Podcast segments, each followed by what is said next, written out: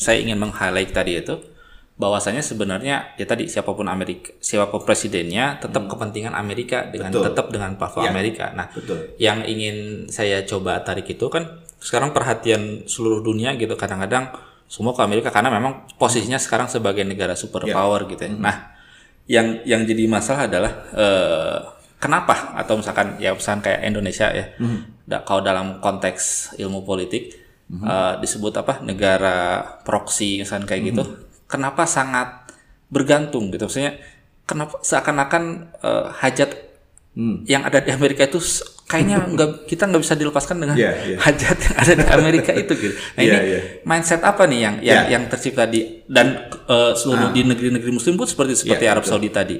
Nah ini nanti eh, betul ya pertanyaan ini saya kira sangat-sangat mendasar ya. Jadi eh, kenapa justru kita seolah-olah begitu perlu ya untuk untuk untuk mem- memperhatikan ya fenomena yang ada di Amerika. Eh, ada setidaknya dua alasan. Yang pertama adalah bahwa memang faktanya Amerika hari ini menjadi negara adidaya. Nah ini yang nanti kalau dalam konteks eh, hubungan internasional ini nanti konteksnya kita bisa bahas dari sisi eh, konstelasi internasional.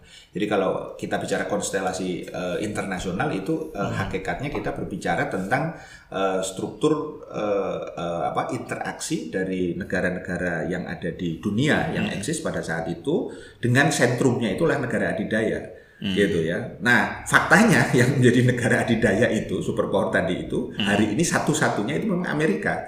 Begitu. Artinya ya tadi ketika dia menjadi eh, negara adidaya, orang semuanya pasti akan kemudian eh, suka atau tidak suka akan akan akan akan tergantung eh, dengan dengan eh, Amerika eh, hari ini begitu kan sehingga eh, dia eh, apa namanya menjadi eh, apa eh, objek amatan dari dari dari semua semua kalangan termasuk di negeri-negeri kaum muslimin gitu. Nah, sebelum lebih jauh saya ingin menegaskan nah, karena dia negara adidaya dalam konteks eh, struktur interaksi eh, eh, antar negara tadi itu, kita ingin perlu tegaskan bahwa pertama karena dia memang memiliki pengaruh yang besar. Ada tiga tiga aspek saya kira pengaruhnya itu. Yang pertama adalah ideologi, yang kedua itu dari sisi ekonomi, yang ketiga adalah sisi militer. Ya yang lain ada juga, tapi saya kira yang tiga poin ini yang penting yaitu apa? Secara ideologi tadi saya katakan dia me- apa namanya nyebarkan ya atau kemudian me- apa namanya mengembangkan eh, ideologi eh, kapitalisme. ya yang sekuler ya dengan eh, isu utamanya itu adalah demokrasi liberal.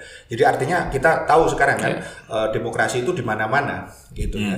Yang kemudian nanti kita kenal, nanti kita akan coba bahas sedikit di belakang yaitu terkait dengan eh, kalau ada yang sentrum tentu ada yang pinggiran Iya. gitu. Ada follower. ada follower. Nah, negara-negara yang eh, ada hari ini ya, termasuk ya terutama di negeri-negeri kaum muslimin dunia Islam dan di Indonesia di negeri kita itu sebenarnya kalau dikategorikan eh, hampir semuanya sudah masuk di dalam negara kapitalis tapi eh, konteksnya adalah eh, pinggiran yang periferi gitu. Nah, ini yang yang kemudian mereka ibaratnya kalau dagang itu ya mereka ini agen-agen yang sudah rantai Oh, rantai iya. distribusinya itu sudah jauh. Jadi artinya tetap aja yang untung itu kan negara yang Warung kelontongannya lah gitu. yang, yang apa istilahnya produsennya, Produsennya. gitu kan, yang, yang yang ada di situ. Ini satu dari sisi ideologi. Kemudian dari sisi ekonomi kita tahu bahwa eh, kapitalisme eh, global hari ini ya pusatnya ya itu adalah Amerika dengan ekonomi yang berbasiskan eh, kepada eh, bunga, kepada ribawi begitu ya dengan hutang luar negeri maupun juga kemudian dengan eh, dominasi dolar Mata sebagai dolar ya. eh, apa namanya eh, standar di Iya. eh, saya kira datanya sudah menunjukkan semua negara itu me- me- eh, apa namanya menggantungkan Menyimpan, kepada iya. dolar tadi itu ya pasca dulu ada yang disebut dengan eh, apa namanya perjanjian eh, Bretton Woods gitu ya yang melepaskan emas Hmm. ya dari dari dolar. Nah dolar itu kemudian menjadi jumawa gitu ya, menjadi Iya. sombong begitu ya menjadi acuan hampir saya kira hampir eh, 90 eh, persen lebih gitu ya. Eh, bahkan ada data yang menunjukkan Cina yang berusaha untuk melakukan penantang lah gitu ya kira-kira itu sekitar kurang dari ketergantungan 2 dolar. persen 1,7 persen Iya. gitu kira-kira. Nah artinya apa bahwa secara ekonomi pun semuanya akan tergantung Hmm. kepada kepada eh, Amerika gitu. Nah yang ketiga ini yang yang yang menurut saya juga eh, penting yaitu adalah terkait dengan militer. Amerika Iya. ini eh, number one gitu ya Hmm. kekuatan militernya di tingkat dunia. Ya Indonesia saya kira sekarang eh, apa namanya sekitar eh, 14 ya 14 15 kalau nggak salah itu yang yang ada di situ. Nomor duanya eh, Rusia, nomor tiganya Cina gitu. Artinya secara militer eh, tentu dalam kaitannya dengan eh, doktrin klasik ya. Jadi kalau civis pasis para pilum gitu. Jadi kalau orang mau eh, apa namanya aman ya harus siap perang gitu kan. Itu doktrin doktrin eh, klasiknya kan begitu. Artinya apa?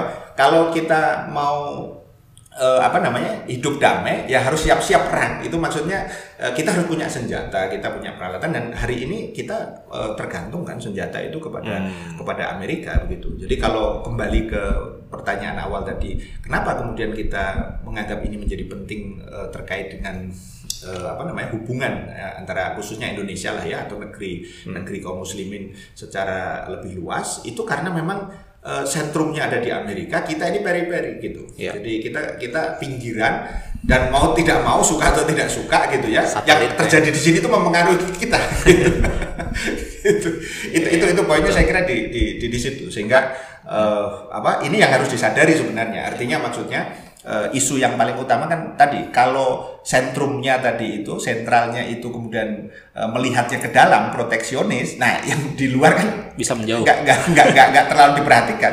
Salah satu kecaman kepada Trump itu adalah karena dia tidak muncul di pentas eh, nas- eh, internasional. Ah, Cina dengan Ah. dengan berbagai potensi yang dimiliki, meskipun faktanya Cina itu bukan bukan apa namanya atau belum lah ya, belum menjadi negara superpower dia hanya great power artinya dia memiliki potensi yang besar untuk eh, menjadi penantang tapi faktanya dia tadi eh, secara ideologi maupun secara militer mungkin kalau ekonomi cukup eh, besar begitu ya, Ya. Eh, dia belum belum belum pada posisi itu artinya tetaplah Amerika yang eh, menentukan apa eh, hitam putihnya eh, apa namanya dunia ini Ya. begitu Masih menjadi matahari di tata surya ini Nah. gitu ya. kira-kira Nah, nah